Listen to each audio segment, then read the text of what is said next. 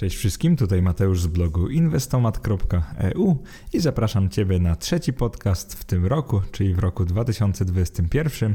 Będzie on dotyczył gospodarki, czyli nagrany będzie w kategorii gospodarka, w której to zwyczajowo umieszczam podcasty o nieruchomościach. I właśnie będzie to kolejny podcast o nieruchomościach o tytule Ceny mieszkań w 2021 roku, prognoza i perspektywy. Dla tych, którzy nie znają jeszcze mojego podcastu, chciałbym zastrzec, że zajmuję się na co dzień głównie inwestycjami na giełdzie, czyli w spółki giełdowe. Oczywiście niektóre z nich zajmują się na przykład deweloperką mieszkań czy też innych nieruchomości albo Inwestuję też w tak zwane rejty, czyli te spółki, które wynajmują nieruchomości, czasami też budując te nieruchomości na wynajem, ale chciałbym zastrzec, że osobiście nie zajmuję się ani kupowaniem na tak zwany powiedzmy flipping nieruchomości, ani kupowaniem nieruchomości na wynajem. Także jakby sam nie jestem obecny na tym rynku.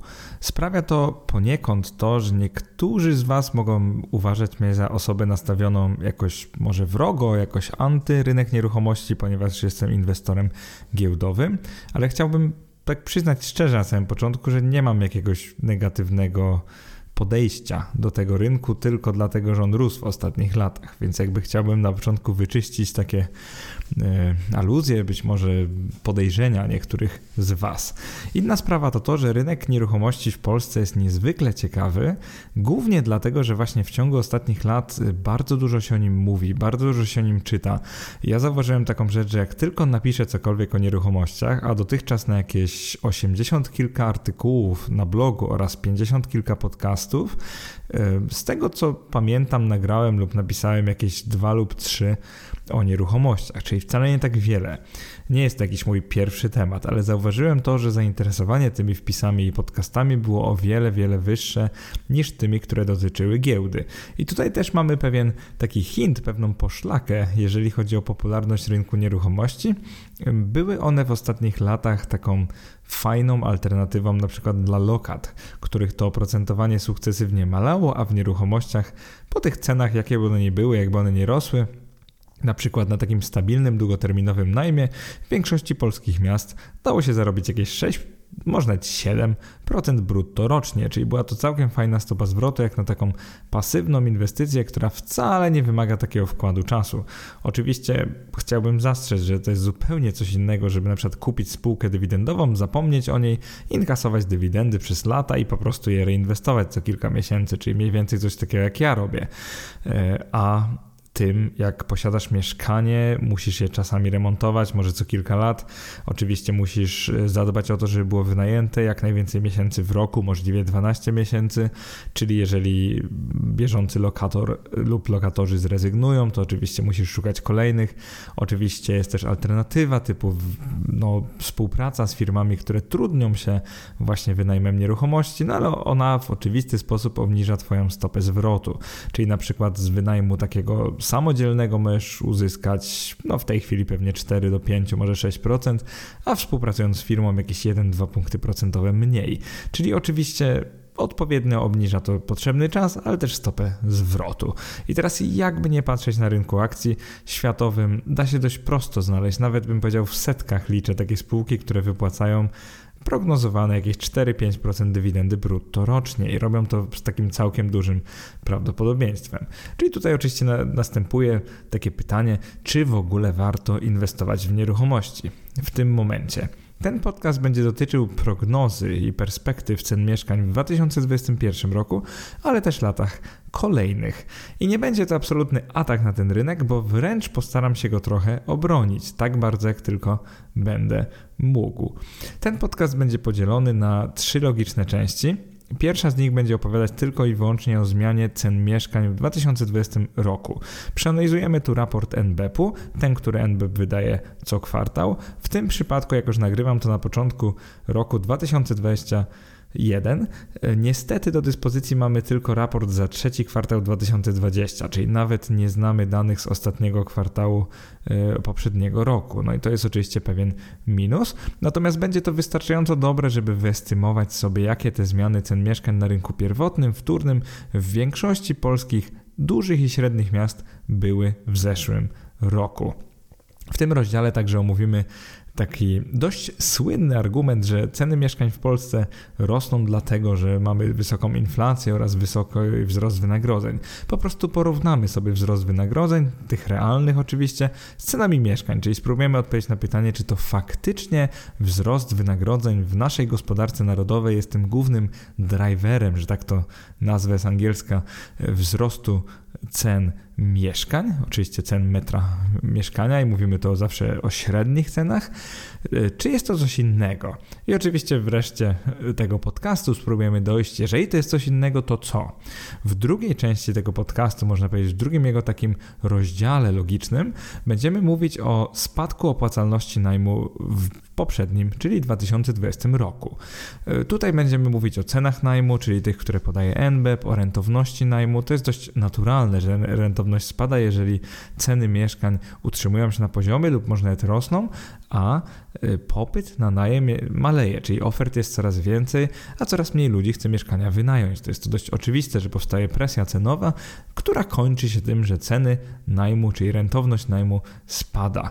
Jeszcze spojrzymy sobie w tym rozdziale na taką fajną perspektywę, czyli na to, ile było w ogóle ofert najmu i sprzedaży mieszkań na rynku.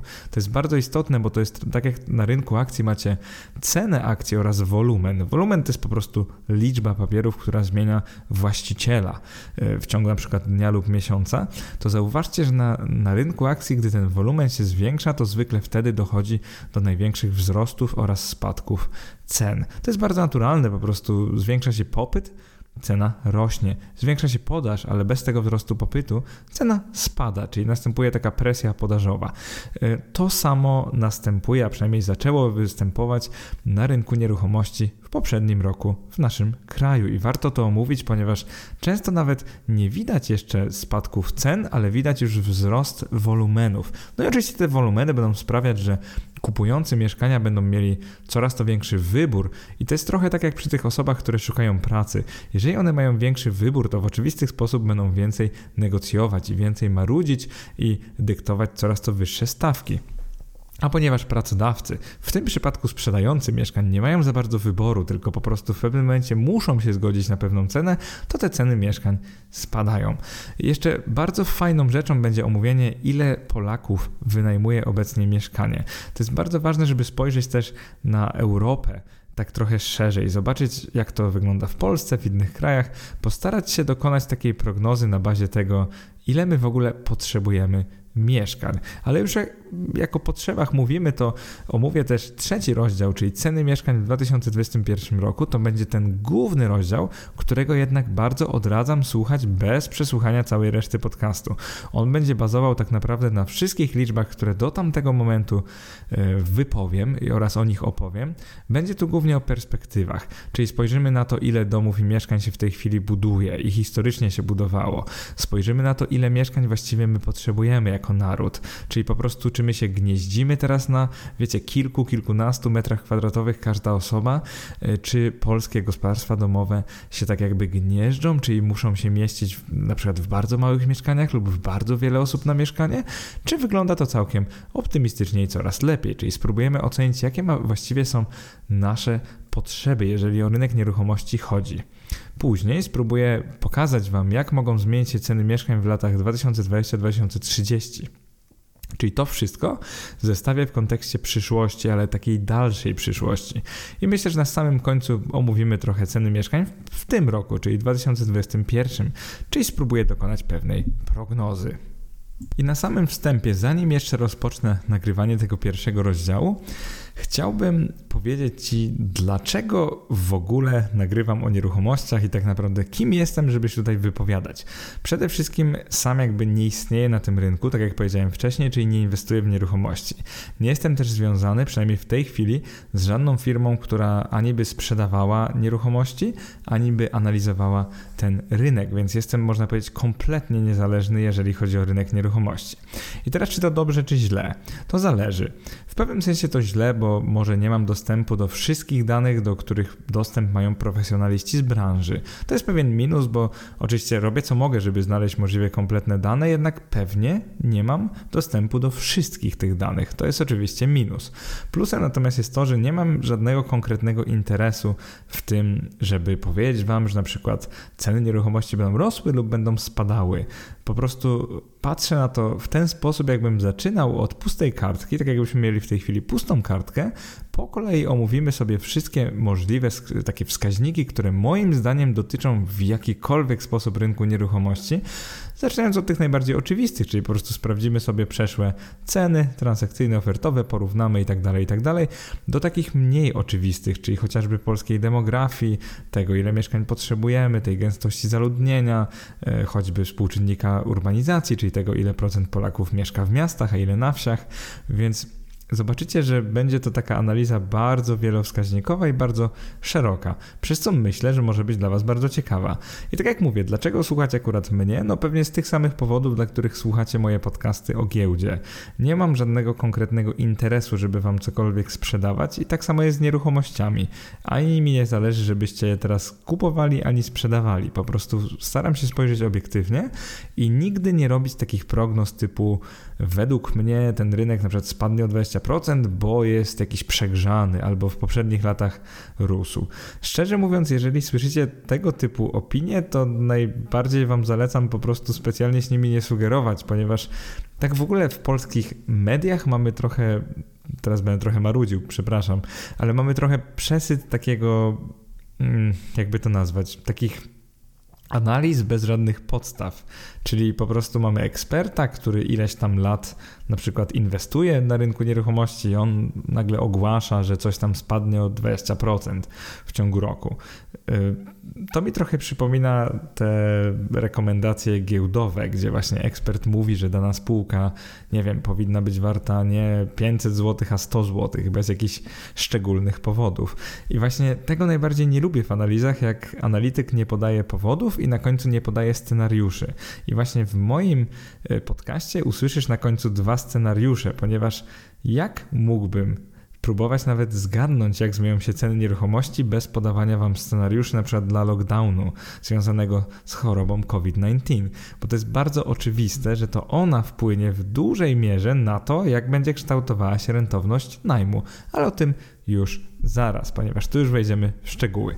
Zacznijmy ten najciekawszy pewnie dla większości z Was rozdział o zmianie cen mieszkań w 2020 roku. Media bombardują nas takimi informacjami, że właśnie w tym roku, mimo spadku wolumenu czy zainteresowania na rynku mieszkaniowym, ceny rosną o, od 10 do 15%. Tak naprawdę widziałem takie nagłówki, że nawet o 15% rok do roku. No i te informacje, powiem Wam tylko tyle, że są bardzo niepełne. Jeżeli ktoś powie nam, że ceny mieszkań wzrosły o 15% rok do roku, to moim zdaniem powinien doprecyzować, że chodzi na przykład o rynek wtórny i chodzi o Gdańsk. No bo faktycznie między trzecim kwartałem roku 2020 a roku 2019, czyli równie trzecim kwartałem, faktycznie ceny są wyższe o 15%, ale tu mówimy o rynku wtórnym. Teraz spojrzymy na rynek pierwotny, jest to już można powiedzieć tylko wyżej o 6% ponieważ tylko, dlaczego powiedziałem tylko? Mówię to tak półironicznie, dlatego że chociażby między trzecim kwartałem 2019 a 2018 było to 17,6%, także wzrosty, można powiedzieć, trochę wyhamowały.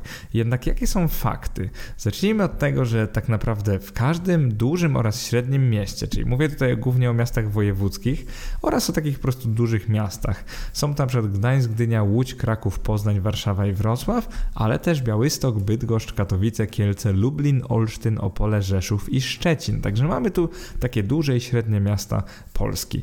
Nie jest to oczywiście kompletna lista, ponieważ to jest ta lista, którą podaje NBEP w tych swoich kwartalnych raportach. Link do nich oczywiście znajdziecie w moim wpisie. Link do wpisu jak zwykle w opisie podcastu, także będzie dość prosto dojść do tego wszystkiego, jeżeli chcecie zobaczyć sobie e, te czyste dane. Natomiast jakie są fakty w takiej perspektywie globalnej? Fakty są takie, że te dane na trzeci kwartał 2020 póki co faktycznie i istotnie pokazują spory dość wzrost cen mieszkań. Mówię tutaj o metrze kwadratowym średniego mieszkania, które było sprzedane na rynku, ponieważ te dane, o których na razie mówię, to są dane transakcyjne. No i tutaj przykładowo, patrzymy na rynek pierwotny, czyli na te mieszkania sprzedawane przez deweloperów. W Gdańsku był to wzrost o 6% rok do roku. W Warszawie był to wzrost o 11%, czyli trochę więcej. Jeżeli chodzi o te 7 miast dużych wojewódzkich, czyli właśnie Gdańsk, Gdynia, Łódź, Kraków, Poznań, Warszawa i Wrocław, był to wzrost średnio o 9%, także naprawdę sporo.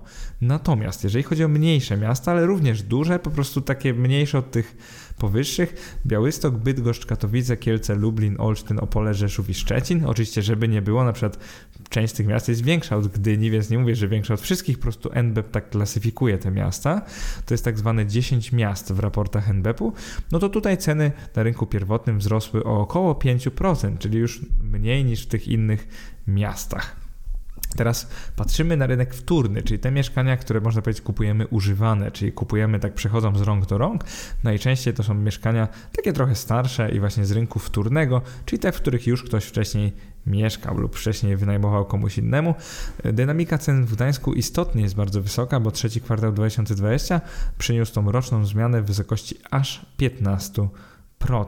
Pamiętajcie jednak, że większość tej dynamiki przyszła albo wynikła z czwartego kwartału 2019 i z pierwszego kwartału 2020, czyli z tego okresu, gdy jeszcze koronawirus nie wpływał w żaden sposób na rynek mieszkaniowy, ale o tym zaraz. Jeżeli chodzi o Warszawę, był to wzrost na rynku wtórnym o 11%, jeżeli chodzi o te 7 dużych miast, to było 9%, 10 tych średnich miast to było 11%, także jakby nie uśredniać, jak spojrzymy sobie globalnie na rynek nieruchomości w Polsce, ale tylko do trzeciego kwartału 2020, mamy tutaj wzrost o jakieś 6 do może 7%, gdzieś tak średnio, jeżeli chodzi o ceny mieszkań. I teraz dlaczego Taki sposób podawania danych to jest pułapka według mnie. Przede wszystkim dlatego, że mamy tu dwa kwartały, w których koronawirus jakby nie był w ogóle znany. Jeden kwartał, w którym jego wpływ był duży, bo mieliśmy prawie pełny lockdown, mówię tutaj kwiecień, maj, czerwiec 2020, ale zauważcie, że później w trzecim kwartale, czyli tym ostatnim, który łapieć do tej statystyki, mieliśmy tak naprawdę otwartą gospodarkę.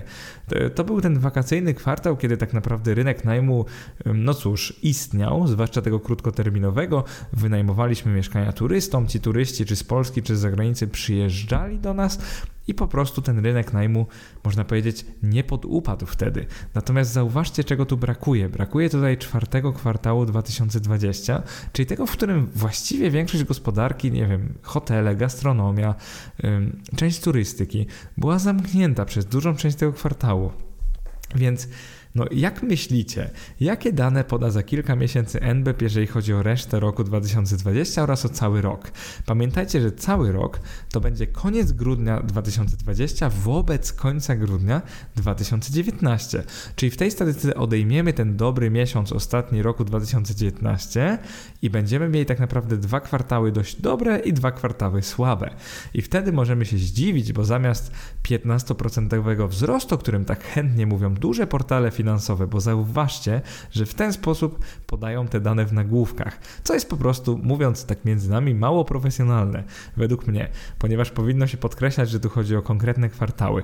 Jeżeli chodzi o cały 2020, to jest bardzo duża szansa, że będziemy mieli wzrost, ale bardzo niski, czyli średnio w Polsce on może wyjść jakieś 3 do 5%, a w tych najlepszych aglomeracjach może 6-7 maksymalnie. No i teraz co to oznacza? Oznacza to, że ceny mieszkań realnie rosną, ale jednak nie tak dynamicznie. I z tego powodu postanowiłem przejrzeć się takiemu bardzo fajnemu zjawisku. Chodzi o taką lukę pomiędzy cenami na rynku pierwotnym i mowa tutaj o cenami ofertowymi oraz transakcyjnymi. Dlaczego bardzo lubię ten, można powiedzieć, wskaźnik? Dlaczego mnie interesuje ta luka? To jest trochę podobnie jak na giełdzie. Jeżeli oczekiwania sprzedających mijają się albo są bardzo rozbieżne z oczekiwaniami kupujących, następuje po prostu taka duża luka, można powiedzieć, spread pomiędzy ofertami sprzedaży a ofertami kupna. Jest to dla mnie bardzo interesujące, ponieważ te ceny ofertowe, a te, za które udało się sprzedać średnie mieszkania przed Warszawie, w Gdańsku lub w tych miastach wojewódzkich, trochę mniejszych, mówi bardzo dużo, ponieważ mówi o tym, ile sprzedający musiał zejść z ceny, żeby sprzedać mieszkanie. Przynajmniej w ujęciu średnim. Bardzo lubię tą statystykę i zacznijmy właśnie od rynku pierwotnego, czyli tym, jak negocjujemy z deweloperami. Jeżeli chodzi o Warszawę, tu jest dość ciekawie, bo w całym roku 2020 widać taki trend, że ceny ofertowe wcale nie rosły. One wzrosły bardzo, bardzo nieznacznie, dosłownie o niecałe, nie wiem, 2%. One trzymają się dalej na średnim poziomie powyżej 10 tysięcy złotych, podkreślam ceny ofertowe, natomiast udaje się warszawiakom negocjować dużo lepsze ceny. Przykładowo w pierwszym kwartale roku 2020 udawało się warszawiakom negocjować średnią cenę jakieś 9500 zł, mimo tego, że e, deweloper żądał 10,5 tysiąca. Jeżeli chodzi o drugi, trzeci kwartał, nastąpił taki dość duży przewrót, ponieważ w drugim kwartale, czyli tym najgorszym, bo wtedy mieliśmy lockdown, e, cena transakcyjna metra kwadratowego w Warszawie nagle spadła aż do 9400 około. I to jest dość duża luka, bo to spowodowało, że między tym, co chcieli deweloperzy, a tym, co płacili ludzie faktycznie, nagle pojawiła się taka luka w wysokości 1200 zł na średnim metrze kwadratowym średniego mieszkania w Warszawie, oczywiście na rynku pierwotnym. Jeżeli chodzi o ten kwartał trzeci, czyli ten trochę lepszy, wakacyjny, to ceny tak trochę wróciły, bo zaczęły wręcz rosnąć, więc transakcyjnie wzrośliśmy, natomiast ofertowo jesteśmy na tym samym poziomie. Jeżeli chodzi o taki widok sprzed wielu, wielu lat, no to przede wszystkim jest jest taka tendencja, że jeżeli ta luka jest niska, czyli jeżeli na przykład kupujący kupują po tej cenie, po której deweloperzy chcą sprzedać, lub nawet czasami drożej, co jest ciekawe, bo były takie kwartały, na przykład pierwszy kwartał 2017, to wtedy najczęściej właśnie mamy momenty, kiedy ceny mieszkań zaczynają rosnąć, ponieważ to pokazuje wzrost popytu. Jeżeli chodzi o tą lukę, w Warszawie to jest ona coraz szersza, czyli po prostu kupujący chcą zapłacić deweloperom coraz mniej wobec cen ofertowych. No i o czym to świadczy? Prawdopodobnie o tym, że wkrótce może nastąpić taki reality check, że po prostu inwestorzy, zwłaszcza na rynku deweloperskim oraz ci, którzy kupują mieszkanie dla siebie, nie będą chcieli płacić tyle, ile żądają deweloperzy. Jest to bardzo fajnie narysowane na wykresie, który jest w moim wpisie, także serdecznie Ciebie zachęcam, żebyś włączyła lub włączył sobie mój wpis, może po przesłuchaniu tego podcastu, albo nawet w trakcie. Myślę, że to jest bardzo dobre uzupełnienie tego, co mówię. Przechodzimy teraz do Gdańska. Gdańsk jest bardzo ciekawym rynkiem, ponieważ tak naprawdę można powiedzieć, że jest najbardziej rozgrzany. Żaden inny rynek w Polsce praktycznie, zwłaszcza rynek wtórny, ale pierwotny też, nie rósł w tak wysokim tempie w ostatnich latach. Jeżeli chodzi o ceny, na, jeżeli chodzi o ceny te ofertowe deweloperów w Gdańsku, to między, uwierzcie mi teraz, że między rokiem 2016 a końcem 2020 ceny ofertowe wzrosły w Gdańsku między średnio 6500 za metr do prawie 10 tysięcy za metr. I Gdańsk jest bardzo ciekawym przykładem, ponieważ właśnie ta luka pomiędzy ofertowymi cenami transakcyjnymi jest tu całkiem spora. To ona jest taka nieregularna, bo czasami jest duża, czasami niska, ale w ostatnim roku jest naprawdę rekordowa. Mianowicie, gdański deweloper jeszcze niedawno chciał średnio 10 tysięcy za metr kwadratowy mieszkania, natomiast w ostatnich dwóch kwartałach musiał już zejść trochę niżej i w tych czasach chce już bliżej 9600 zł za metr kwadratowy mieszkania. Jeżeli chodzi o ceny transakcyjne na rynku pierwotnym, one rosną od roku, net półtora, ale w takim już niższym tempie, bo wynoszą jeszcze kilka kwartałów temu było to 8500 za metr, a teraz około 9. Także stale mamy taką lukę, że deweloper chce 9600, my płacimy 9000. Jest to ciągły wzrost, ale jednak ta dynamika wzrostu no już nieco się osłabia, co naprawdę fajnie widać na wykresie, który jest w moim artykule, więc mówię, jeszcze raz zachęcam, żebyście sobie spojrzeli. Zupełnie inaczej sytuacja wygląda w miastach średnich, czyli mówię o tych 10 miastach trochę mniejszych właśnie od Gdańska, Warszawy, to mowa o Białymstoku, Bydgoszczy, Katowicach, Kielcach, Lublinie, Olsztynie, Opolu, Rzeszowie i Szczecinie.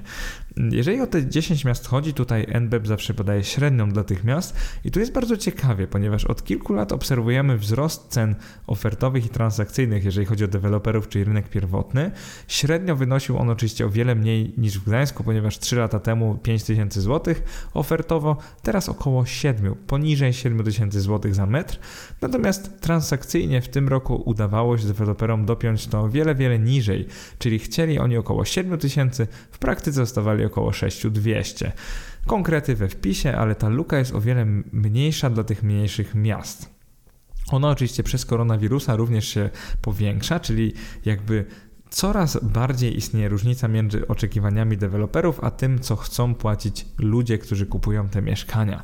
Należy jednak pamiętać, że rynek pierwotny, czyli ten deweloperski, na którym kupujemy mieszkanie bezpośrednio od dewelopera, to nie wszystko i większość transakcji w Polsce stale dokonuje się na tym rynku mieszkań, że tak to nazwę, używanych na rynku wtórnym. I to właśnie rynek wtórny jest bardzo ciekawy, jeżeli chodzi o lukę transakcyjną i o niej chciałem pomówić, ponieważ na rynku wtórnym, zwłaszcza warszawskim, na przykład historycznie zawsze występowała luka pomiędzy średnią ceną ofertową a średnią ceną transakcyjną w wysokości prawie 2000 zł. Także uwierzcie, że obecnie na rynku wtórnym w Warszawie mieszkania są średnio wystawione za prawie 12 tysięcy złotych. To jest prawdziwy obłęd, to jest naprawdę wysoka cena. Natomiast cena transakcyjna średnia jest około 10 tysięcy złotych. I w ostatnich trzech kwartałach ta cena transakcyjna praktycznie nie rośnie. Wręcz w ostatnim, czyli tym trzecim roku ubiegłego, ona nie, nieco spadła. Jeżeli chodzi o oczekiwania sprzedających, to jest trochę podobnie. One się ustabilizowały i tak naprawdę w tym roku pierwszy raz od Patrząc na wykres od 5 lat, ceny ofertowe mieszkań w Warszawie na rynku wtórnym nie wzrosły. One wzrosły bardzo nieznacznie, ale pod koniec roku może to być nawet spadek.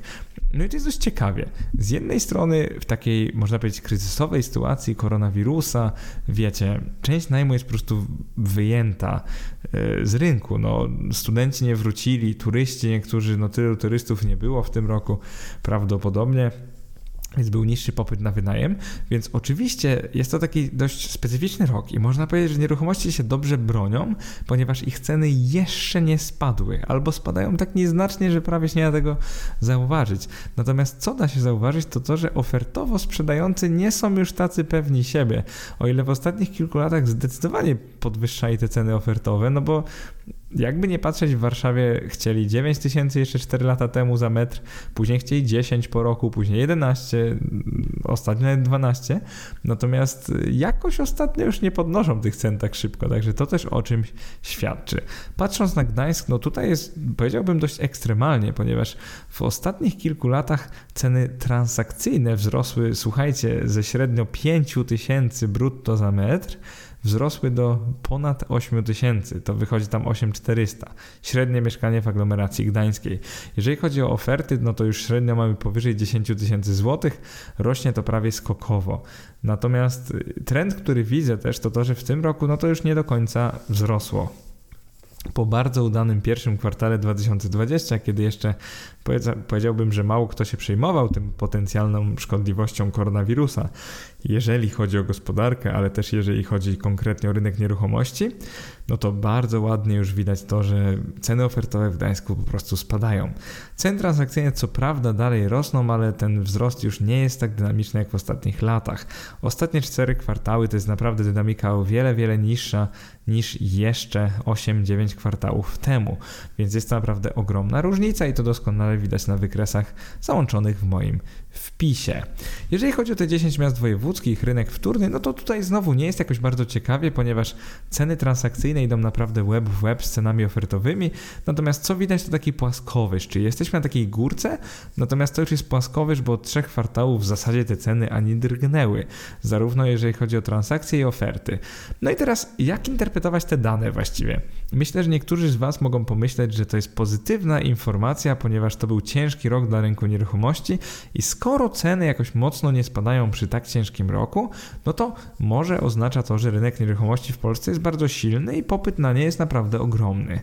No i oczywiście to jest jedna z możliwych tez. Nie mówię, że błędna, bo coś w tym może być. Natomiast spójrzmy na to trochę inaczej. W tych kwartałach mieliśmy tak naprawdę jeden, w którym ten wpływ koronawirusa był spory, bo mowa tutaj o drugim kwartale roku 2020.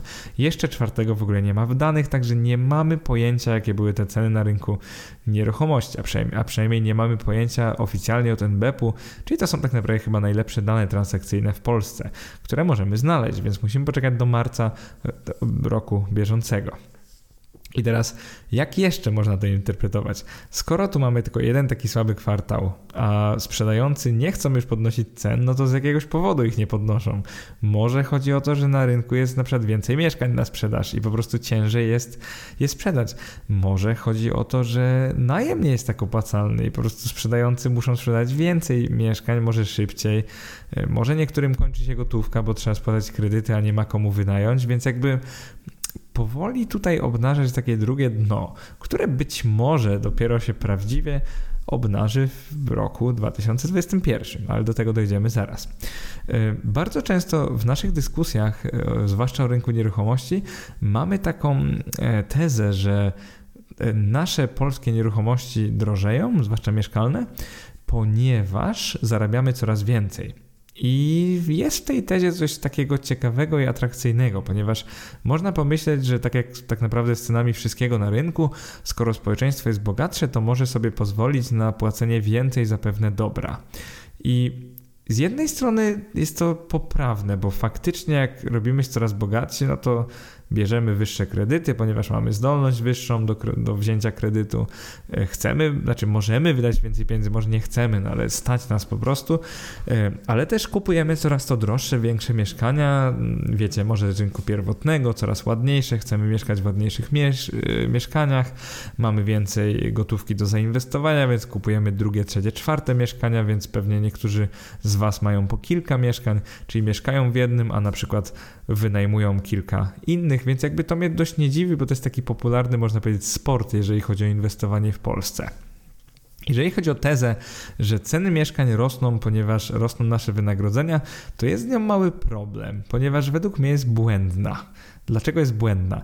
Ponieważ ceny mieszkań, jakby nie patrzeć, rosły i rosną o wiele szybciej niż nasze wynagrodzenia, a przynajmniej jeżeli chodzi o mieszkania z rynku pierwotnego w dużych miastach Polski. Jeżeli byśmy zestawili sobie taki indeks na potrzeby wpisu, który byłby poprowadzony od roku 2006 6 do roku 2020. Dlaczego akurat te lata? No bo NBP akurat publikuje dane o cenach metra kwadratowego mieszkania z tych lat. Jeżeli byśmy spojrzeli na inflację CPI na złotym, na średnie wynagrodzenie w sektorze przedsiębiorstw w Polsce oraz na ceny mieszkań na rynku pierwotnym i wtórnym w tych siedmiu dużych miastach Polski. Przypomnę Gdańsk, Gdynia, Łódź, Kraków, Poznań, Warszawa i Wrocław. Mamy tutaj taką dość ciekawą statystykę, bo okazuje się, że jeżeli spojrzymy tylko na inflację w tych ostatnich prawie, że już 15 latach, no to jeżeli byśmy mieli 100 zł w roku 2006, no to w chwili obecnej byłoby to prawie 140 zł. Tak wyglądała inflacja. Jeżeli chodzi o średnie wynagrodzenia, to jeżeli osoba zarabiała średnio 100 zł, to teraz to średnie wynagrodzenie po tych 13 latach, no to mamy ogromny wzrost, bo byłoby dwukrotnie wyższe, czyli jakby wynosiłoby równowartość 200 tamtych złotych. I teraz, jeżeli oczywiście zaraz skorygujemy to o inflację, to wyjdą nam różne ciekawe statystyki. Natomiast jeżeli chodzi o ceny mieszkań, no to one podwoiły swoją wartość na rynku mm, wtórnym, natomiast prawie potroiły, no może nie potroiły, bo to jest tak naprawdę 240%, więc trochę bardziej niż podwoiły swoją wartość na rynku pierwotnym. I teraz dlaczego nie pasuje mi ta teza, że po prostu mieszkania rosną, bo zarabiamy coraz więcej? Choćby dlatego, że jak sobie odfiltrujemy inflację z wynagrodzeń, czyli spojrzymy na wzrost realnych wynagrodzeń, to przez 14 lat wzrosły one o około 50%. Natomiast ceny mieszkań wzrosły o 100 i 150%, zależy na który rynek patrzymy. Mówię tutaj o średniej dla tych rynków. I teraz oczywiście niektórzy z Was powiedzą, że inflacją powinno się skorygować również ceny mieszkań, no bo w pewnym sensie tak to jest. Ale jeżeli spojrzymy na to tak trochę, zrobimy krok do tyłu i spojrzymy tylko na to, ile realnie zarabiamy, a ile kosztują mieszkania, to tak naprawdę no, ceny mieszkań rosną znacznie szybciej niż nasze zarobki. I ciężko jest z tym dy dyskutować, ponieważ dane wziąłem z NBP-u i z GUS-u, więc po prostu tak jest, więc bym to zaakceptował. I powiedziałbym, że może faktycznie jednym z czynników wzrostu cen nieruchomości jest nasz wzrost wynagrodzeń, ale chcę Wam powiedzieć, że jest ich o wiele, wiele więcej. I myślę, że będzie bardzo ciekawy podrozdział. Według mnie czynniki mm, wzrostu cen nieruchomości to, jest to są przede wszystkim niskie stopy procentowe. Ponieważ generują one małą atrakcyjność lokat i depozytów w bankach. Zauważcie, że w tej chwili depozyty i lokaty nie płacą prawie niczego, więc niskie stopy nie sprzyjają lokatom. Niskie stopy sprzyjają natomiast kredytowi hipotecznemu, ponieważ on bardzo tani i dostępny. Mimo tego, że marże zwiększyły banki, czyli te kredytowe marże są teraz wyższe niż wcześniej, no to dalej kredyt jest, można powiedzieć, za pół darmo. Kredyt hipoteczny jest po prostu bardzo, bardzo tani, co na pewno odczuliście, jeżeli macie teraz do spłacenia już istniejący kredyt hipoteczny. Więc według mnie niskie stopy procentowe to jest główny driver wzrostu cen nieruchomości. Drugim z nich jest właśnie wzrost wynagrodzeń, bo on sprawia, że mamy większą zdolność kredytową, czyli chcemy polepszać jakość swojego życia, więc kupujemy coraz to droższe, lepsze, fajniejsze mieszkania. Wzrost wynagrodzeń powoduje też wzrost kosztów pracy, ponieważ osoby zatrudnione na budowach zarabiają coraz więcej. Jeżeli osoby zatrudnione na budowach zarabiają coraz więcej, no to oczywiście rośnie koszt wybudowania takiego metra kwadratowego mieszkania. Więc wcale nie dziwi, że te ceny mieszkań rosną, ponieważ wybudowanie ich jest coraz droższe. Jest to podstawa ekonomii. E, jeżeli chodzi o kolejny etap, e, kolejny może powód, e, to według mnie to są stale bardzo niskie wynagrodzenia przy względnie wysokim poziomie edukacji Polaków. Więc działa to tak, że mamy tak zwany wysyp, mamy wiele nowych biur zagranicznych spółek, które na przykład dwu, trzy lub czterokrotnie taniej mogą mieć w Polsce wykwalifikowaną mm, kadrę, wykwalifikowanego pracownika i naprawdę podobnego, jeżeli chodzi o umiejętności do tego na zachodzie. Efektem tego jest migracja osób ze wsi i miasteczek do dużych miast oraz to, że po prostu winduje to tamtejsze, tutejsze, tak w zasadzie ceny najmu nieruchomości. To jest dość prosty efekt. Ludzie ciągną do miast, jest to coraz więcej firm, coraz wyższe pensje, więc po prostu ludzie kupują tu mieszkanie, nie zastanawiają się, ile one kosztują i skoro drożeją teraz, to wydaje nam się, że będą zawsze. To jest taka iluzja inwestycyjna związana z każdym rodzajem aktywa. Kolejny właśnie powód jest taki, że skoro drożał najem mieszkań, ponieważ ściągało więcej ludzi do miast, no to oczywiście inwestycja w mieszkanie na wynajem stawała się coraz bardziej opłacalna, więc ona windowała dalszy wzrost cen mieszkań. Inwestorzy po prostu liczyli, że skoro w tym na przykład roku mo mogą poprosić o 1500 zł za, za miesiąc, za czynsz, a na przykład rok temu było to 1200, no to oczywiście kupowali mieszkania coraz drożej, bo po prostu liczyli sobie w Excelu i wychodziło im, że no mogą mogą zapłacić więcej za ten metr, a i tak będą mocno na plusie, więc po prostu liczyli sobie, że inwestycja jest dalej opłacalna. Tylko tutaj musi być to założenie, że wynajem jest coraz bardziej rentowny, ale o tym zaraz. Kolejny powód to była spora imigracja osób z Ukrainy. Niektóre dane podają, że łącznie przybyło do naszego kraju nawet około miliona Ukraińców, naszych właśnie wschodnich braci. Otwarcie granic i niepewność gospodarcza u naszego wschodniego sąsiada naturalnie spowodowała taką ogromną migrację obywateli Ukrainy do Polski, więc oczywiście, jeżeli nowi obywatele migrują do naszego kraju, no to wiadomo, że ceny mieszkań będą coraz wyższe i to zarówno najmu, jak i metra kwadratowego mieszkania, ponieważ ci ludzie często zajmują całkiem fajne stanowiska w różnych międzynarodowych firmach, no i mogą sobie pozwolić na duży kredyt mieszkaniowy. Ostatnim powodem będzie wzrost inflacji, a więc po prostu drożyzna również na rynku materiałów budowlanych, no bo zauważcie, że tak jak drożeje praca, no to drożeją materiały. A skoro budulec drożeje, no to to jest jasne, że deweloper może i będzie ściągał coraz więcej, jeżeli chodzi o ceny nieruchomości. No bo oczywiście muszą mieć swoje marże, więc to będzie zawsze robocizna, to będzie zawsze budulec, no i oczywiście marża. Oczywiście marże deweloperów nie mówię, że są niskie, bo one stale są na poziomie gdzieś tam około 20% w większości miast Polski. Natomiast to, co chcę powiedzieć, to to, że zauważcie, jak wiele jest powodów tych wzrostów. Więc jeżeli ktoś kiedykolwiek powie mi, że ceny mieszkań rosną, ponieważ rosną wynagrodzenia, to jest to ogromna krótkowzroczność. Ponieważ prawda jest taka, że wynagrodzenia mogą rosnąć, ale jeżeli na przykład stopy procentowe też wzrosną i lokaty będą atrakcyjne znowu, a kredyty droższe, to wierzcie mi, że nie będzie to koniecznie powodowało wzrostu cen mieszkań, a wręcz może spowodować ich spadek. No i oczywiście podobnie z migracją i z turystyką na przykład. Jeżeli będzie mniej osób migrować, a, a więcej na przykład emigrować, no to to jest oczywiste, że ceny mieszkań nie będą wtedy rosły, no bo nie będzie specjalnych powodów. No ale do powodów przejdziemy zaraz. To by było na tyle, jeżeli chodzi o rozdział pierwszy, czyli tutaj podsumowaliśmy się sobie zmiany cen mieszkań w roku 2020 oraz jak one się mają do inflacji, wynagrodzeń, no i właśnie tego, jakie są właściwie powody możliwych wzrostów. Skoro mamy to omówione, to myślę, że jesteśmy już na tyle wyedukowani, żeby przejść do omówienia opłacalności najmu właśnie w ubiegłym 2020 roku. I tak naprawdę dedykuję tę część zainteresowanym głównie najmem nieruchomości w Polsce. Skupię się tutaj przede wszystkim na wpływie pandemii COVID-19 i towarzyszącego jej lockdownu polskiej gospodarki na ten segment. Prawdę mówiąc, nawet bez dokonywania jakiegoś, nie wiem, jakiejś szeroko zakrojonej analizy cen, prawdopodobnie zauważyliście, że ceny najmu mieszkań w waszym mieście spadły. To jest dość oczywiste, ponieważ skoro mamy zamknięte uniwersytety, skoro granice z wieloma krajami są zamknięte, skoro turystyka praktycznie leży, no to w oczywisty sposób najem mieszkań już no, no nie było na niego takiego popytu. Po prostu ofert było coraz więcej, o czym oczywiście zaraz sobie pomówimy, więc ceny i rentowność najmu mieszkań musiała spaść. I o tym faktycznie mówi NBEP. Y, fajne w raporcie NBEP-u jest to, że rysują oni też średnie ofertowe i transakcyjne stawki najmu na metr kwadratowy mieszkania na rynku wtórnym i pierwotnym oraz związane z tym, e, związaną z tym rentowność. Czyli po prostu zestawiają to, że na przykład ceny rosną, ceny najmu spadają, więc rentowność jest coraz niższa. I właśnie to zrobili w tym roku.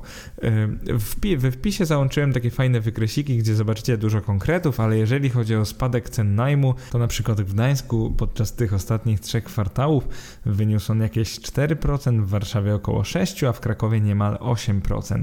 No i przypominam, że dane dotyczą kwartału trzeciego roku ubiegłego, czyli 2020, a więc nie mamy jeszcze tak naprawdę informacji zawierających w sobie tą drugą falę e, epidemii, czy tam pandemii koronawirusa i związanego z nią lockdownu, e, w którym tak naprawdę od no już kilkunastu tygodni się znajdujemy, więc ciężko jest powiedzieć, co się działo w czwartym kwartale ubiegłego roku, ale dość łatwo można założyć, że spadki cen najmu postępowały i tak naprawdę w ciągu roku mogą spaść w niektórych miastach nawet o 10-15%. No i oczywiście, jeżeli co się dzieje, jeżeli rosną ceny mieszkań, a spadają ceny najmu? Oczywiście spada wtedy rentowność najmu, po prostu mniej się opłaca. Co też fajnie NBEP narysował, ponieważ rentowność najmu na przykład w Warszawie Warszawie od kilku lat sukcesywnie maleje. No i dla przykładu, w trzecim kwartale 2017 roku, czyli kilka lat temu raptem, e, taka rentowność najmu średniego mieszkania w Warszawie to było około 6%. Tutaj NBEP stara się wliczać różne koszty, remonty i tak no i wychodziło 6% brutto rocznie, całkiem nieźle. Obecnie jest to już około 4% rocznie. I tylko podczas tych ostatnich trzech kwartałów, czyli roku 2020, ta rentowność spadła o jakieś pół punktu procentowego, można nawet więcej. Więc jakby widać już bardzo, bardzo negatywny wpływ tego wzrostu cen oraz spadku popytu na najem. Po prostu jest to widoczne w danych. Dość podobnie wygląda to dla innych miast, natomiast nie jest to takie drastyczne. E, dla na przykład 10 tych mniejszych miast jest to już spadek o jakieś 0,2-0,3 punktu procentowego w ciągu trzech kwartałów. Dla tych większych miast wojewódzkich jest to spadek jakieś pół punktu procentowego, więc nie jest zupełnie tak źle. Natomiast jeżeli liczysz na to, że w tych czasach kupisz e, takie po prostu byle mieszkanie na rynku wtórnym i będziesz z niego miała lub miał na przykład 6-7% rocznie, tak naprawdę musicie o tym zapomnieć, ponieważ jeżeli kupujecie nieokazyjnie, to praktycznie nie da się uzyskać takiej stopy zwrotu. No i oczywiście e, popyt na najem spada tym dłużej, im mamy dłuższy lockdown. Nie wiemy jeszcze, jaki on będzie w roku bieżącym, wiemy tylko o styczniu, że pewnie do końca, natomiast nie mamy pojęcia, co będzie dalej. Dlatego zanim jeszcze będziemy mówić o y, kolejnych kwartałach tego roku, czyli roku 2021, chciałbym pomówić trochę o liczbach ofert najmu i sprzedaży na rynku. Y, liczba ofert jest bardzo ważna, bo to jest taki wolumen. Tak jak w przypadku akcji mówiłem Wam, że mamy wolumen, który mocno winduje ceny. Zwykle jest tak, że jak ofert sprzedaży przybywa, no to oczywiście ceny spadają w długim terminie, no i podobnie będzie z nieruchomościami. No i teraz jak oceniamy, albo skąd można właściwie dowiedzieć się o liczbie unikalnych ofert, jeżeli chodzi o sprzedaż oraz najem mieszkań w Polsce? I tutaj właśnie chciałbym podziękować osobom z Expandera oraz Rentier.io, które przygotowały i przygotowują co kilka miesięcy albo czasami co miesiąc nawet taki raport, w którym e, podają liczbę ofert, e, na bazie których udało im się ustalić, jak zmieniały się ceny nieruchomości. No niestety są te raporty trochę dziurawe, ponieważ nie ma ich dla każdego miesiąca, co też doskonale widać w artykule, więc jakby nie mogę tego tak rzetelnie przygotować. Natomiast kilka wniosków, które można wyciągnąć z tych raportów jest mniej więcej tak, takie, że w lipcu roku 2020 liczba unikalnych ofert sprzedaży mieszkań była w Polsce o 31% wyższa niż rok wcześniej, czyli w lipcu 2019 roku. W sierpniu liczba ofert sprzedaży mieszkań była na przykład 25% niższa niż rok wcześniej. W listopadzie, czyli nie tak dawno temu, 2020 roku, liczba ofert sprzedaży mieszkań była o 18% wyższa niż rok wcześniej.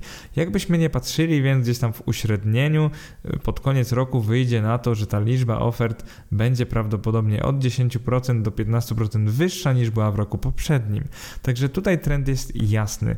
Liczba ofert sprzedaży mieszkań na rynku będzie i coraz to rośnie. No i oczywiście im dłużej będzie trwał lockdown, tym bardziej będzie ona rosła i to jest naturalne, jakby nie ma co z tym zrobić, ponieważ popyt spada, ludzie mają mniej pieniędzy, niepewność jest wyższa, może niektórzy nie chcą się przeprowadzać, na przykład od rodziców, w sensie wyprowadzać.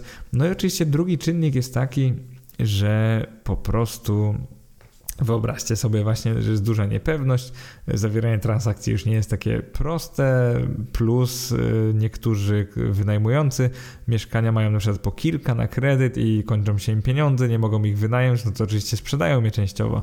No i wtedy jest ta presja y, podażowa, po prostu jest coraz wyższa podaż. Jeżeli chodzi o liczbę ofert najmu nieruchomości, to na przykład w listopadzie była ona o 23% wyższa niż rok wcześniej. Oczywiście nie było to tak miesiąc w miesiąc i bardzo ciężko jest powiedzieć, jaka jest tendencja długoterminowa, natomiast krótkoterminowo faktycznie wygląda to, że w roku 2020 no, skończymy ten rok na dużo większej liczbie ofert zarówno sprzedaży mieszkań i domów mieszkalnych, jak i ich najmu. Więc jedno jest tutaj pewne, że ten wolumen sprzedaży coraz to rośnie, a przynajmniej wolumen ofert na rynku, bo zauważcie, że wolumen ofert obecnych na rynku to nie jest to samo co wolumen sprzedaży, bo może się nie pojawić kupujący, no i to właśnie sprawia, że ceny zaczynają spadać. Kolejną bardzo ciekawą statystyką, którą w tym drugim rozdziale, drugiej części podcastu chcę omówić, to jest to, ile Polaków wynajmuje obecnie mieszkanie. Jeżeli dokonamy analizy rynku nieruchomości bez tego kontekstu, ile procent Polaków wynajmuje mieszkanie, a ile posiada lub spłaca własne, no to myślę, że robimy to w sposób bardzo niepełny. Tutaj jest bardzo ciekawie, bo okazuje się, że w roku 2019 pod koniec, to są dane Eurostatu, tylko 16% Polaków wynajmowało swoje mieszkania. 12% posiadało, ale spłacało kredyt, natomiast 72% Polaków posiadało własne mieszkania bez kredytu. I to jest bardzo ciekawa informacja. W Europie jest tylko kilka krajów, w których jeszcze więcej ludzi posiada swoje mieszkania. Przed w Rumunii to jest 95%, w Chorwacji 82%, w Bułgarii 82% i na Węgrzech 76%. Natomiast jakby nie patrzeć, jak spojrzymy na te bogatsze kraje zachodu, tu się może trochę zdziwicie, w Szwajcarii tylko 4% osób posiada swoje mieszkanie bez kredytu, 38% ma je na kredyt, a 58% wynajmuje mieszkanie. To jest niesamowite w kontekście tego, jak jest w Polsce.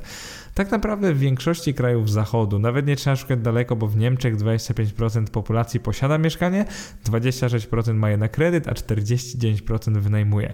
Jest naprawdę niesamowita informacja, bo wydawać by się mogło, że w Polsce całkiem sporo osób wynajmuje mieszkania, nic bardziej mylnego. Nasz rynek to jest dość typowy, że jak tylko ktoś wchodzi na rynek pracy, to bardzo szybko chce wziąć kredyt i należy do tej drugiej grupy, tych 12%, no i w ileś lat go spłaca i później należy do tej trzeciej grupy. E, przede wszystkim w Polsce tych mieszkań jednak jest dość sporo. Trochę się w nich w pewnym sensie gnieździmy, bo tej gęstości jeszcze powiem na samym końcu. Natomiast e, tendencja jest taka, że szybko się chce posiadać własne. No i z tą tendencją w oczywisty sposób nie ma wielu wynajmujących, więc 16% populacji to jest naprawdę mało. Nie mówiąc o tym, ile procent takich ludzi już w wieku takim dojrzalczym, na przykład około 40-50 lat, wynajmuje mieszkanie. Tak naprawdę to jest już bliskie zeru, ponieważ w Polsce to jest bardzo niepopularne. Ktoś ma swoją rodzinę, to chce mieć własne cztery kąty. To jest bardzo ważne dla Polaków. I teraz co to znaczy w kontekście rentowności najmu? Przede wszystkim, jeżeli tak mało Polaków potrzebuje potrzebuje wynająć mieszkanie, no to czy myślicie, że jak będziemy do rynku dokładać co roku kolejne 200 tysięcy, bo właśnie tyle buduje jest co roku, to czy ten um, popyt może trwać w nieskończoność, skoro tylko taka ograniczona liczba ludzi w ogóle wynajmuje mieszkanie? Odpowiedź brzmi: to zależy. I później omówię, dlaczego to zależy. Jednym z ważnych czynników w tym kontekście jest na przykład to, że mm, w Polsce następuje, no, postępuje urbanizacja, czyli jest coraz więcej ludzi będzie mieszkać w miastach, coraz mniej na wsiach. W tej chwili w Polsce około 60% ludzi mieszka w miastach, czyli tych aglomeracjach miejskich, a 16% wynajmuje mieszkanie, jeżeli chodzi o całość e, naszego narodu. Jest taka tendencja wśród tych bogatych krajów zachodu, ona jest taka trochę niepotwierdzona, ale jednak im wyższa urbanizacja, tym więcej tym wyższy odsetek osób wynajmuje mieszkanie. Tutaj kilka krajów się wyłamuje, bo na przykład w Austrii tak nie działa, w Szwajcarii też nie do końca oraz w Niemczech. Natomiast większość bogatych krajów zachodu faktycznie ma taką tendencję, że im więcej osób mieszka w miastach, tym więcej, większy procent wszystkich wynajmuje mieszkania. Więc jakby coś w tym jest, że wynajem jest po prostu popularny w miastach, bo pomyślcie sobie o tym, ile znacie osób na wsiach, które wynajmują mieszkania. Pewnie takie coś no, da się zrobić, ale tak naprawdę myśl, wątpię, że wiele osób wynajmuje mieszkanie na wsi. E, budowa tam jest tańsza, mieszkają tam wielopokoleniowe rodziny, budują koło siebie, często mają trochę niższe potrzeby niż ludzie w miastach, jeżeli chodzi na przykład o metraż, czy tam nawet jakość budulca, więc jakby wydaje mi się, że wynajem na wsiach prawie nie istnieje. Kolejna sprawa jest taka, że młodzi Polacy długo pomieszkują o rodzicach. To jest trochę ukryte w tej statystyce, ale okazuje się według Eurostatu, że około 45% osób w wieku 25-35 lat, no jakby nie patrzeć, ja należę do tej grupy, bo w tej chwili mam 32 lata, dalej mieszka ze swoimi rodzicami. No to osobiście już od wielu, wielu lat nie mieszkam ze swoimi rodzicami, bo dla mnie, tak jak pewnie wiecie, ta wolność osobista, również jeżeli chodzi o własne mieszkanie, jest bardzo, bardzo ważna, żeby właśnie mieć jakby swoje życie, a nie polegać na rodzicach. Natomiast Y, statystyka jest przerażająca. No i to pokazuje taki ukryty popyt, że no w pewnym momencie pewnie te osoby będą chciały zamieszkać samemu. Czyli on się oczywiście ujawni, bo w tej statystyce osoby takie, które mieszkają z rodzicami są pokazane, że mieszkają na swoim bez kredytu, no bo u rodziców to też jest na swoim. To jest ta sama odpowiedź. No, w pewnym sensie ten popyt się ujawni, ale pamiętajcie, że w każdym kraju młodzi mieszkają z rodzicami, nie tylko w Polsce. Więc w tej statystyce, którą podałem, w każdym kraju w tych wynajmujących kryje się ten ukryty popyt, który jakby wejdzie niedługo na rynek. Także może nie powinniśmy na to tak patrzeć. E, dlaczego ten najem jest tak mało popularny w Polsce, a na przykład tak bardzo popularny w Niemczech, gdzie aż 49%, wyobraźcie sobie obywateli, wynajmuje mieszkanie?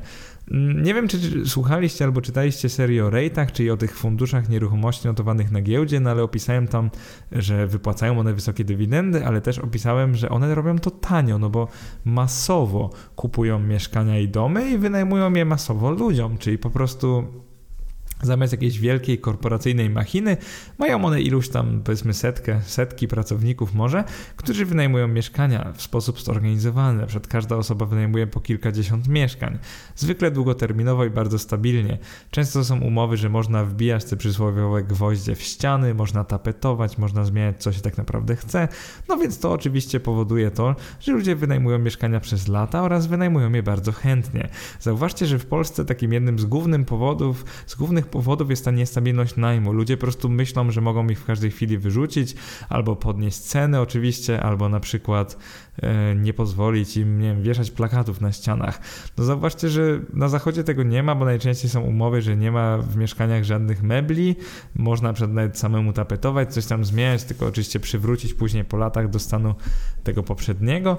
E, I też ceny często są tak regulowane mocno przez prawo, że one nie mogą za szybko rosnąć, więc ten wynajem jest bardzo opłacalny. Przykładowo ja mieszkając w Szwecji przez 4 lata, to ciągle wynajmowałem mieszkanie i robiłem to bardzo tanio. Niektórzy z Was by się zdziwili, bo w ogóle w Szwecji wynajmowałem mieszkanie taniej niż w Polsce. I to w całkiem dużym mieście, było to Westeros, czyli które piąte miasto największe w Szwecji. Y, więc to nie jest tak, że w Szwecji wszystko jest drogie, no ale to oczywiście nie jest temat na ten podcast. Tylko to, co chcę Wam powiedzieć, to, że dzięki temu dużemu zorganizowaniu najmu jest on po prostu tańszy dla klientów, dla kupujących, dla najemców. I teraz, no, wracając do naszego głównego wątku, to co chcę powiedzieć, jeżeli chodzi o rynek najmu, no to tak, przede wszystkim ceny najmu spadły, ceny mieszkań dalej trochę rosną, więc rentowność najmu w 2020 najprawdopodobniej spadnie to dość mocno. Skoro rentowność najmu spada, to jest on oczywiście mniej atrakcyjną inwestycją, jeżeli chodzi o porównanie na przykład do obligacji antyinflacyjnych, bo tutaj mamy taką ironiczną sytuację, chyba pierwszy raz w historii będzie w tym roku, że obligacje antyinflacyjne po tym, oczywiście po pierwszym roku, czyli uwzględniając inflację, zapłacą więcej niż średnie mieszkanie na wynajem kupowane po cenach rynkowych teraz. Mm, jak spojrzymy sobie na to, ile było ofert najmu i sprzedaży, jest ich coraz więcej w oczywistym, oczy, jakby z oczywistych powodów, bo po prostu ciężej się wynajmuje, to jest więcej ofert na rynku. E, no i oczywiście, jeżeli chodzi o Polaków, którzy wynajmują mieszkania, no to nie jest ich jakoś dużo i ta tendencja tak naprawdę będzie spadkowa, bo no jakby nie było, coraz więcej osób będzie miało własne mieszkania, starsi umierają, więc przekazują w spadku mieszkania młodszym, więc oczywiście będą ludzie mieli coraz więcej mieszkań, ci przekażą je dzieciom, a dzieci nie będą brały kredytu na nowe mieszkania, skoro mogą mieć stare po dziadkach. Więc patrząc na tą tendencję demograficzną, to też nie wygląda jakoś najlepiej. I tym myślę możemy zakończyć rozdział, czy tam część drugą podcastu. Zacznijmy część trzecią już rozgadałem się, pogadam 54 minuty, no ale jedziemy dalej, bo teraz jest naj, najciekawsze, czyli ceny mieszkań w 2021 roku, perspektywy. I już podsumowaliśmy ceny oraz najem, czyli ceny najmu. I w tym rozdziale chciałbym omówić liczbę mieszkań i domów w budowie, które są teraz oraz które były w budowie w każdym z ostatnich 30 lat. Tak naprawdę bez tej liczby bardzo ciężko będzie oszacować nam wzrost podaży nieruchomości mieszkalnych w Polsce. No wzrost podaży, wzrost liczby na rynku, żeby ludzkim językiem, a nie jak jakiś ekonomista skomplikowany do Was mówić. Druga sprawa to liczba ludności gospodarstw domowych w Polsce oraz ich prognozy do roku 2050. Ten argument powinien trochę tak wyrwać oręż e, z rąk e, tym, którzy twierdzą, że jakby w Polsce jest duży ukryty popyt, czyli jakby trochę się gnieździmy, więc w przyszłości będziemy potrzebowali no, ogromnej liczby nowych mieszkań. Prawda jest taka, że owszem, ale tylko przez parę kolejnych lat, o czym zaraz Wam opowiem. E, trzecia rzecz, którą to mówimy, to będzie średnia liczba osób, która przypada i będzie przypadać w Polsce na jedno gospodarstwo domowe. Jest to bardzo ważne, bo co z tego, że na przykład obecnie mamy 2,6 osoby na gospodarstwo domowe, czyli jakby na jedno mieszkanie dom, jak w Unii ta średnia jest bliższa 2,3 i sam GUS podaje, że niedługo powinna spadać. No i co to znaczy, że jest coraz mniej osób na gospodarstwo domowe? Mówiąc bardzo prosto, to oznacza, że gdyby nie zmieniła się liczba ludności, to mielibyśmy coraz więcej gospodarstw domowych, czyli coraz większy popyt na mieszkania. Po prostu ludzie potrzebowaliby coraz większej liczby własnych mieszkań. Zaczynamy wtedy od liczby domów i mieszkań w budowie. Rok 2020, no niestety mam dane do listopada, więc musiałem wyestymować grudzień. E, oczywiście są one niekompletne, więc wybaczcie. Natomiast wygląda to, że w roku 2020 zakończymy rok na jakieś 215 do 220 tysiącach nowych domów i mieszkań, czyli po prostu nieruchomości mieszkalnych. 220 e, tysięcy, no bardzo dużo, prawda? Zwłaszcza jak weźmiemy kontekst, że na przykład w roku 2019 było to około 205 tysięcy, e, wcześniej było to poniżej 200, tak naprawdę 5 lat wstecz jeszcze było to 150 tysięcy nowych mieszkań. Trend jest oczywisty. Skoro ceny rosną, to buduje się i są oddawane do użytku coraz to więcej. Każdego roku coraz więcej mieszkań. Jedna piąta miliona w tym roku jest naprawdę liczba imponująca. No inna sprawa, czy będzie na nie popyt, czy nie, póki co jest, bo ceny jeszcze nie spadają. Natomiast to jest bardzo istotne, żeby rozumieć, że w Polsce buduje się bardzo dużo mieszkań i w ogóle nieruchomości mieszkalnych tak naprawdę 200 coś tysięcy w ciągu roku i to jest już drugi rok, w którym jest 200, powyżej 200 tysięcy, przy tej liczbie ludności, która wynosi 38 milionów i będzie spadać, no to sami sobie policzcie. Zwłaszcza, że to nie jest tak, że każda z 38 milionów osób potrzebuje jednego mieszkania, ponieważ, uwaga, uwaga, w Polsce mieszkamy właśnie tak w 2,5 osoby, 2,6 osoby średnio na jedno domostwo. Zaraz do tego dojdziemy. Co jest jeszcze ciekawe w tym kontekście? No bo to, że mieszkania się wybudowały, to jest jedno, no ale pytanie, ile mieszkań się będzie budować. To możemy sprawdzić takim wskaźnikiem wyprzedzających, on się nazywa pozwolenia wydane na budowę mieszkań w Polsce. NBEP podaje właśnie kwartalnie. No i w Polsce, jeżeli chodzi o trzeci kwartał 2020, było to już dość dużo mniej niż w trzecim kwartale 2019. No dużo, kilka procent, nie chcę przesadzać, jakieś 3% mniej. Ale tak naprawdę jest to pierwszy kwartał od, teraz liczę lata, od 7 lat bodajże, kiedy liczba pozwoleń na budowę spada. Spadała, spadła. Y, jest to bardzo ciekawe zjawisko, ponieważ świadczy o tym, że deweloperzy oraz prywatni inwestorzy no, chcą teraz budować trochę mniej mieszkań. Zabawa danymi ma to do siebie, że no, można z wielu powodów określać pewne sytuacje. No i teraz jeden z powodów jest taki, że deweloperzy widzą, co się dzieje i widzą, że właśnie ta krzywa popytu trochę się jakby odwraca i no i widzą, że po prostu może w przyszłości nie być takiego popytu na mieszkania, więc no już nie ubiegają o tyle pozwoleń na budowę. No to jest jeden z argumentów. Natomiast istnieje też drugi, czyli taki, że po prostu to był gorszy rok, COVID, taki mniej stabilny, więc ludzie nie chcieli podejmować ryzyka i aplikować o pozwolenia na budowę. Istnieje też trzeci powód, na przykład, że urzędy gorzej działały i było tych pozwoleń wydawanych mniej, po prostu mniej wydajnie pracowały urzędy. Więc może nie wyrokowałbym na bazie tego argumentu, przeszedłbym dalej. Chyba to będzie teraz najważniejsza część tego podcastu, czyli ile mieszkań właściwie potrzebujemy jako Polacy. No, myślę, że każdy chciałby znać tą odpowiedź, ale zauważyłem, że w internecie mało kto, tak naprawdę nie znalazłem chyba nikogo, kto dokonuje takich analiz. Yy, powiedziałbym, że analityk właśnie powinien patrzeć długoterminowo na to, ile właściwie Polacy potrzebują mieszkań, ile z nich niszczeje i jest likwidowane, no a ile się buduje.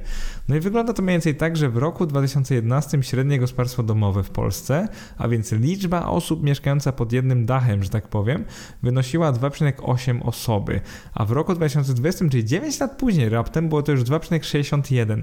Czyli zobaczcie co się stało. W każdym domu mieszka już około 2,5 osoby, a nie 2,8 osób. No to znaczy, że mamy po prostu więcej gospodarstw domowych, większą potrzebę na mieszkania, na liczbę mieszkań. I teraz co to znaczy, że mamy 2,6 osoby na jeden dom lub mieszkanie? To jest bardzo dużo dalej w porównaniu do średniej unijnej, która wynosi teraz około 2,3. Tutaj źródłem jest Eurostat, choć GUS w swoim takim raporcie, który właśnie mówi o prognozach demograficznych w Polsce, estymuje, że w Polsce spadnie ta mm, średnia liczba do 2,4 w 2030 roku, czyli za 9 lat od teraz a później ustabilizuje się bliżej 2,5. No 2,5 osoby na domostwo. Dlaczego 2,5, a nie tak jak średnio w Unii 2,3? Może dlatego, że jesteśmy bardziej tradycyjni i po prostu mieszkamy dłużej razem, a może z jakichś innych powodów. Po prostu GUS podaje taką, a nie inną liczbę. I teraz, jeżeli weźmiemy pod uwagę jeszcze to, że potencjał do tego zamieszkania, można powiedzieć zaludnienia nowych mieszkań jest w Polsce dość niewielki, ponieważ jak jeszcze weźmiemy prognozy populacji Polski, że z 38 milionów obecnie zrobi się w ciągu kolejnych 30 lat, czyli do, do 2050 roku 33 miliony ludzi, czyli ubędzie nas około 5 milionów, no to co z tego wynika? Przede wszystkim wynika z tego to, że w chwili obecnej luka między potrzebami mieszkaniowymi a liczbą mieszkań wynosi 1,25 miliona mieszkań. Czyli po prostu nasz popyt nie będzie zaspokojony, jak nie wybudujemy jeszcze no, ponad miliona mieszkań. Mam na myśli popyt taki, żebyśmy byli tak jak inne kraje Unii, tak jak średnia unijna. I teraz co tak naprawdę tutaj, jakby, jakie siły na to działają? Po pierwsze, starsi ludzie umierają i nie chodzi o COVID, chodzi po prostu o piramidę demograficzną. Ona jest nieubłagana, rodzi się Polaków coraz mniej, natomiast będzie umierać coraz więcej, ponieważ mamy szerokie, już tam starzejące się społeczeństwo, szerokie u góry, więc to nie jest w ogóle piramida demograficzna, tylko bardziej odwrócona piramida, niedługo będzie. Co chcę powiedzieć? Będzie nas po prostu mniej za parę lat. A skoro będzie nas mniej, no to mamy jeden czynnik, który sprawia, że będziemy potrzebowali mniej mieszkań. Natomiast drugi czynnik jest taki, że po prostu wybuduje się w tym czasie ileś tam set tysięcy, jeżeli nawet nie milion mieszkań, więc ta luka popytowa e, kompletnie się zawęzi. I to nawet zakładając defensywne założenia, gdzie budujemy rocznie mniej mieszkań, czyli 180 tysięcy, a nie 220 jak teraz.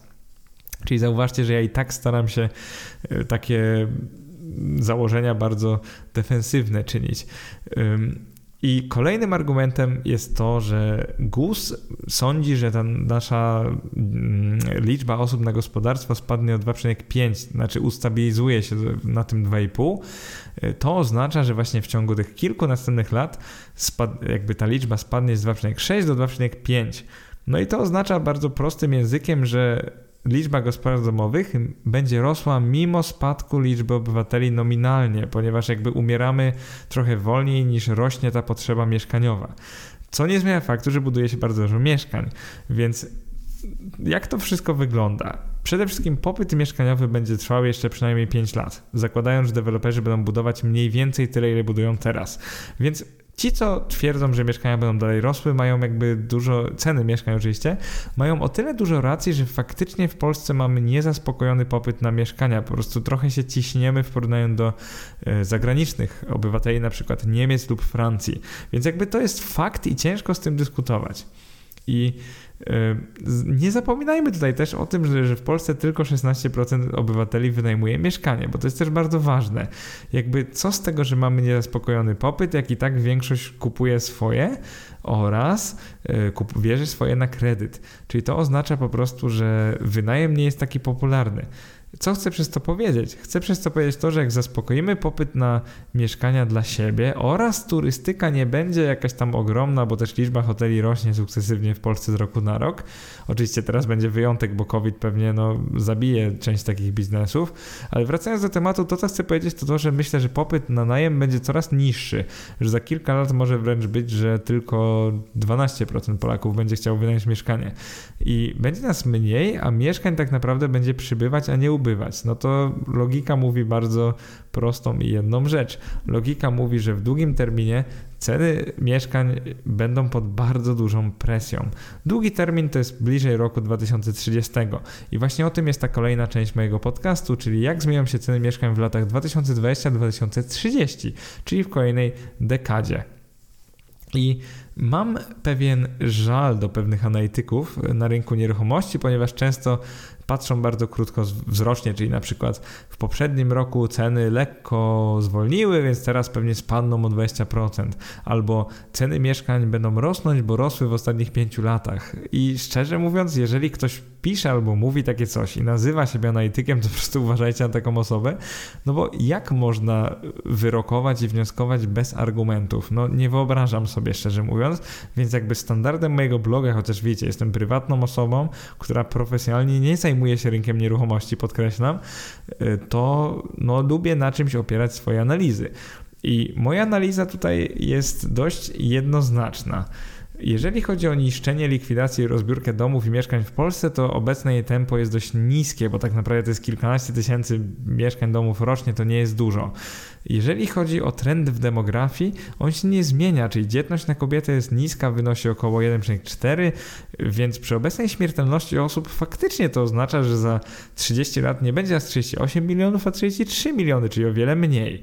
No i kolejna sprawa jest taka, że deweloperzy nie przestają budować tych mieszkań, przynajmniej na razie, więc popyt dalej jest, tak jak mówiłem, przez kilka lat będzie nie do końca zaspokojony, także młodzi będą dalej chcieli mieć swoje mieszkania, więc oczywiście ta presja y, popytowa jeszcze będzie na tym rynku przez kilka lat. E, jeżeli chodzi o migrację osób młodych do miasta, ona postępuje, ale nie szybciej niż obecnie. Tutaj według CIA, to jest ciekawe źródło danych, jest to współczynnik urbanizacji, tak jak Wam mówiłem, wynosi 60%, natomiast ten roczny e, wzrost, ten, ta migracja ludzi ze wsi do miast wynosi jakieś 1 czwarta procenta, czyli 0,25% w ciągu każdego z ostatnich 5 lat. Czy to jest mało, czy dużo? Powiedziałbym, że to jest dość mało. Jeżeli to będzie tak postępować, to naprawdę nie, nie wystąpi u nas zjawisko, że nagle e, bardzo wiele osób ze wsi lub mniejszych miasteczek, przeprowadzić, wiecie, do Gdańska, Warszawy, Krakowa i tak dalej, Wrocławia, e, Łodzi, e, Poznania e, w takim tempie jakimś ogromnym i windując jeszcze bardziej ceny, więc jakby taki scenariusz jest dość nierealny. No inna kwestia to jest imigracja, której naprawdę nie umiem w tej chwili przewidzieć. Trochę wygląda na to, że ta ukraińska już się uspokoiła i jakby nie postępuje tak szybko, natomiast nie widzę, żeby do Polski była jakaś większa migracja obywateli innego kraju, analizując dane GUS-u. Więc jak to wygląda, jeżeli chodzi o kolejne 10 lat? Wygląda to kiepsko. Przede wszystkim od roku 2030 zaspokojony będzie pełen popyt Polaków na mieszkania, czyli po prostu będzie więcej mieszkań niż gospodarstw domowych. To jest taka ciekawostka. Czyli za 9 lat już będziemy mieli na rynku więcej mieszkań niż jest gospodarstw, no i reszta oczywiście będzie musiał zająć ten popyt turystyczny i jacyś nowi obywatele, jeżeli napłyną. Y, dla, dla ciekawostki właśnie teraz brakuje jeszcze miliona 200 150 tysięcy mieszkań, natomiast jest to jakby to bardzo, bardzo się zmienia. Czyli w ciągu każdego roku ta luka jest coraz to niższa i tak naprawdę za kilka lat nie będzie jej wcale. I to widać właśnie dobitnie na tych wykresach, które pokazuje tobie we wpisie. Także serdecznie zapraszam do zapoznania się z artykułem, bo może to być bardzo ciekawe.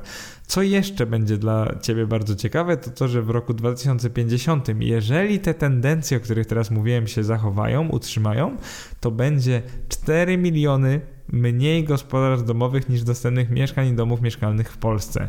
No i oczywiście będzie to oznaczać pustostany.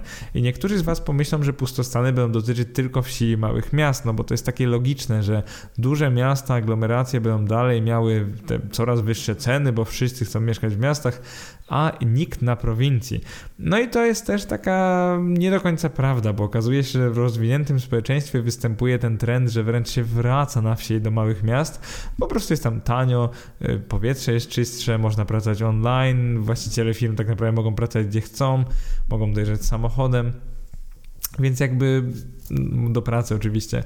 Więc jakby to nie jest taka oczywista tendencja. Więc to, to, co tak naprawdę widać, to to, że mieszkań jest coraz więcej, ludzi będzie coraz mniej. Niekoniecznie mamy, jesteśmy jakimś rajem turystycznym, niekoniecznie mamy wielką imigrację, więc niestety wygląda to blado. Ale i teraz przechodząc do najważniejszego, czyli prognozy cen mieszkań na rok 2021, chcę podkreślić, że to, co powiedziałem, to jest w następnej, w następnej dekady, a nie roku. I teraz, jeżeli chodzi o prognozę cen mieszkań w bieżącym roku, czyli 2021, to chciałbym wykonać dwa scenariusze.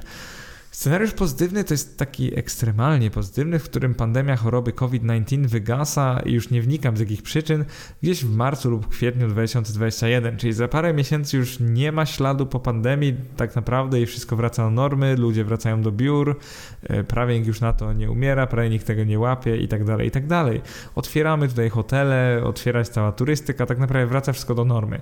I w tym scenariuszu oceniam ten, te ceny mieszkań, że one mogą również wzrosnąć o 5% w ciągu całego roku 2021. I tutaj dane tak są takie, że w roku 2020 one wzrosną o około 5%, tak to wygląda przynajmniej, jak, jak spojrzymy całościowo na cały rok. Myślę, że w roku 2021 też mogą wzrosnąć o 5% i tak naprawdę to jest całe clue tego podcastu. Ale uwaga, uwaga jest też scenariusz negatywny. I według pewnie większości z Was to ten scenariusz ma szansę ziszczenia się dużo większe niż ten pierwszy. W nim lockdown gospodarki trwa gdzieś do maja-czerwca 2021 roku, czyli o wiele, wiele dłużej jeszcze, dobre kilka miesięcy dłużej, może nawet y, do lipca i przez y, wakacje trwają dalej pewne obostrzenia, więc wpływają negatywnie na turystykę, więc najem krótkoterminowy. I w tym momencie ceny mieszkań według mnie mogą w całym 2021 spaść nawet o 10% w ciągu roku. No i powiecie, jakim ja jestem analitykiem, skoro mówię, że albo wzrosną o 5%, albo spadną o 10%. No i oczywiście odpowiedź jest bardzo prosta. Chcę być z Wami uczciwy. W tej chwili głównym czynnikiem, który będzie wpływał na ceny nieruchomości jest właśnie najem, rentowność najmu. Jeżeli najem wróci szybko do normy, to będę, będą dalsze wzrosty cen mieszkań, ponieważ to jest logiczne. Jeżeli rentowność znowu wróci do tych wyższych poziomów, czyli 4% w Warszawie do około 5% na przykład, no to oczywiście ceny mieszkań będą mogły dalej rosnąć, bo dlaczego nie? Lokaty są dalej nieopłacalne, już przytoczyłem bardzo dużo powodów, dla których te ceny będą rosły. Ale wyobraźcie sobie, że przez na przykład więcej niż pół roku e, studenci nie wracają do, do miast wojewódzkich, turyści na przykład nie pojawiają się w tych mieszkaniach wynajmowanych na przykład na Airbnb lub Booking.com i po prostu mamy coraz mniejszy popyt na wynajem, zarówno krótko, jak i długoterminowy. No to jak to się może odbić? Tym, że ceny mieszkań będą spadać. Najem warszawski teraz generuje 4%, średnio niedługo może to nawet 3% ceny się ustabilizują, ale po prostu ceny najmu spadają. Więc to, co chcę Wam powiedzieć, to to, że według mnie w tym terminie krótkim, czyli w ciągu najbliższych 12 miesięcy, wszystko zależy od tego, jak długo będzie trwał lockdown, jak będą wyglądać wakacje, ta turystyka oraz po prostu tego, ile ofert pojawi się na rynku. Im więcej ofert sprzedaży pojawi się na rynku, zwłaszcza wtórnym oczywiście, no tym większa będzie presja podażowa. Po prostu będzie więcej dostępnych, a więc ceny będą spadać. Jak to oceniam? Jak jakby jakiś scenariusz jest bardziej prawdopodobny? Pewnie ten negatywny, czyli myślę, że gdzieś w takim średnim scenariuszu ceny mieszkań mimo wszystko albo są w stagnacji, albo lekko spadają. Wątpię, że wzrosną o więcej niż 5%. No chyba, że zdarzy się cud i od razu nagle stryknie pan premier czy pan minister i skończy się pandemia COVID-19. Tak mówię trochę prześmiewczo, ale jakby szansa na to jest no dość niska. No i teraz chciałbym tylko podsumować ten wpis. Mm, biorąc pod uwagę, że pisałem go prawie dwa tygodnie, podcast oczywiście nagrywałem krócej, ale trwał on godzinę 15, jestem tak naprawdę ciekaw, czy uznasz, że przedstawione tu przeze mnie wnioski są ciekawe, ponieważ w scenariuszu pozytywnym spodziewam się mimo wszystko wzrostu cen mieszkań w Polsce o niemal 5% w tym roku, Natomiast, żeby on nastąpił, musimy naprawdę szybko uporać się z pandemią. Mamy jeszcze jakieś dwa miesiące i wtedy już musimy wrócić do normy, na co szanse są dość niskie według mnie. W scenariuszu negatywnym, czyli tym takim, że gdzieś pół roku albo nawet dłużej trwa jeszcze ten lockdown, e, turystyka nie wraca do normy tak szybko, ludzie się boją i tak dalej, i tak dalej, gastronomia jest zamknięta.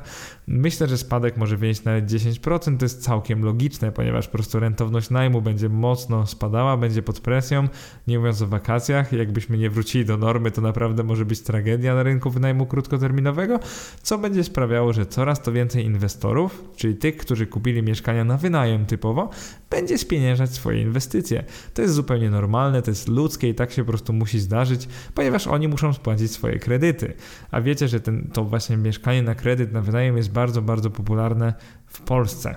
Moje prognozy są bardzo zachowawcze, ponieważ są dwie i są zupełnie różne, ale chcę zauważyć, że w internecie aż się roi od prognoz bardziej negatywnych niż, niż ten mój negatywny scenariusz, którym podałem, że spadek ceny o 10%. Często nawet czytamy teraz o takich spadkach 20, 30, 15%. To trochę mi przypomina te prognozy, które jeszcze parę lat temu mówiły coś identycznego, jeżeli chodzi o wzrost cen, czyli wzrost o 20, bo popyt jest niesamowity i tak dalej, i tak dalej. No i oczywiście ci ludzie mieli czasami nawet rację, bo popyt był niesamowity. Natomiast takim clue tego wpisu jest to, żebyśmy patrzyli trochę szerzej. Czyli patrzmy też na te kolejne lata. Patrzmy na to, ile jest mieszkań na rynku. Patrzmy na to, ile jest pustostanów. W tej chwili nie ma prawie wcale, ale to się zmieni. Patrzmy na demografię, czyli ile ludzi będzie właśnie przyrastać lub kurczyć się ta liczba w Polsce, bo myślę, że patrzymy trochę wąsko na ten rynek nieruchomości.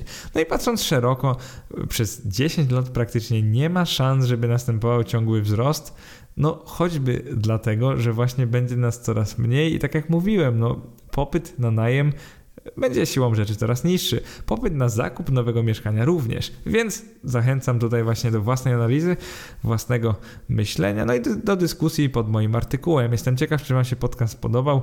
Był on bardzo ciekawy do nagrania, także super ciekawy temat nieruchomości, na pewno do niego wrócę. Bardzo Wam dziękuję za przesłuchanie do końca, no i do następnego. Cześć!